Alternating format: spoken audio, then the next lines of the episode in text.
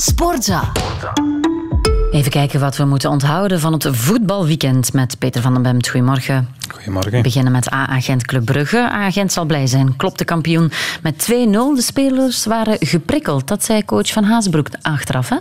Ja, door interne kritiek, zoals ze dat uh, noemden. Vooral op hun mentaliteit, hun ingesteldheid. Die was er al van voorzitter de Witte. Maar het gaat blijkbaar ook over een deel van de fans die een onvrede hebben geuit. En uh, ja, gisteren was echt geen goede wedstrijd, vond ik. Het was vooral geen wedstrijd. En dat had nog te maken met uh, de zwakte van Club Brugge. En agent dat het gewoon nagenoeg perfect deed. Want het was messcherp in de duels.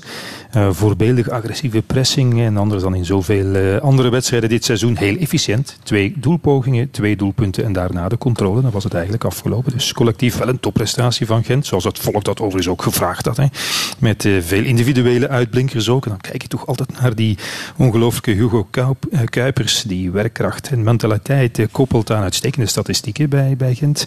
Die fijn besnaarde marathonman. Toch een schot in de roos. Hong, slimme, al wat oudere spelers op het middenveld met de Vadis en Kums. En achterin eindelijk met die drie centrale verdedigers nog eens dat huis van vorig jaar dat Paul stond. Dus een mooie overwinning tegen de eeuwige rivaal. Dat had dus een eh, perfecte namiddag kunnen zijn. Waren daar niet geweest, helaas. Alweer die trieste tafereelen met eh, enkele mm. Gent-supporters. Een belachelijk spandoek tegen Jaremchuk. Triest was dat.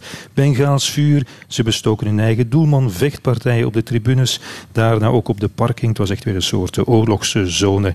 En, en chapeau moet ik zeggen voor de overgrote meerderheid van de Gent-fans die in het stadion al dat gedrag duidelijk afkeurde. En kijk, agent heeft laten weten dat het de daders zal opsporen en zwaar zal straffen. Je weet het wat ik daarvan denk. Ja, ik zou zeggen, ik dat laat, het ons vooral, laat het ons vooral weten, want ik ben benieuwd. Het was overigens ook zo in Antwerpen ja. met Bengaasvuur. En God beet het ook bij Union. Ja. Daar denken ze nu ineens ook dat rook en vuur erbij houden. Ik zou zeggen, nee, laat het uit. Hopelijk is dat de laatste keer dat we daarover moeten praten, maar laten we niet naïef zijn. Oké, okay, clubcoach nee. Karel Hoefkes die liet uh, optekenen dat hij zich totaal geen zorgen maakt.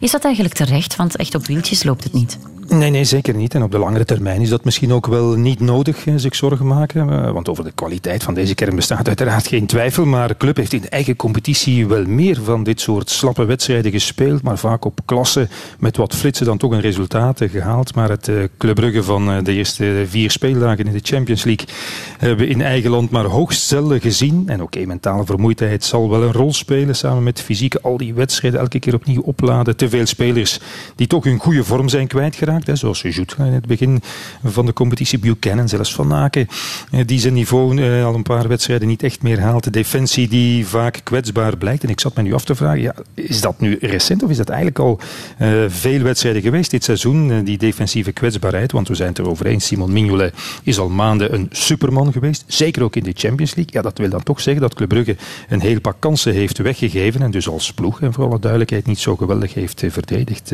dus neem met deze uitpuilende kern moet Club Brugge gewoon veel dominanter zijn in eigen land. Vier keer verloren, al 16 punten verloren, bijna halfweg de competitie. Dat is voor, voor de club met de rijkste, duurste, breedste kern veruit. Ondanks die Europese belasting niet te verdedigen. Dus ik denk zondag tegen Antwerpen moet het er echt nog een keer op zijn, zou ik denken. Wie weet. Het probleem van Club Brugge heet ook Racing Genk. Hè?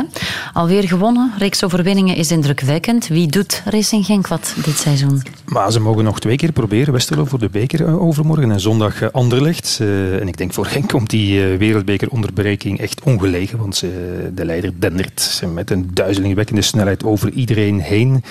En die ene wedstrijd, de allereerste van het seizoen, die ze verloren op het veld van Club Brugge, hadden ze niet mogen verliezen. Misschien wel moeten winnen. Dan was de kloof nu al 17 punten, stel je voor. En ik weet natuurlijk wel, onderweg zijn, een aantal overwinningen, zijn er een aantal overwinningen geweest die ook een gelijkspel hadden kunnen zijn. Zoals op Union bijvoorbeeld of in Leuven. Maar goed, het is bij Genk toch de verbluffende combinatie van de cijfers, al die overwinningen. Maar ook een karrevracht aan doelpunten, aantrekkelijk, dominant, offensief, spectaculair, eh, overrompelend voetballen. Er zijn toch jongens vertrokken zoals Ito, Oye is geblesseerd, er werd veel van verwacht. Dessers is uh, vertrokken. Oké, daar is uh, natuurlijk dan wel Paul Onuachu en Wouter Franken heeft er een geweldig geheel van gemaakt. dat kwaliteit koppelt aan mentaliteit met individuele uitblinkers. Ik zei het al, Onuachu met zijn doelpunten. Tresor die helemaal ontbolstert. Heine op het middenveld enzovoort. Nee, dus Racing Genk is in de competitie zonder discussie de ploeg van de eerste ronde. En alle lof natuurlijk eh, voor Club Brugge en Union in Europa.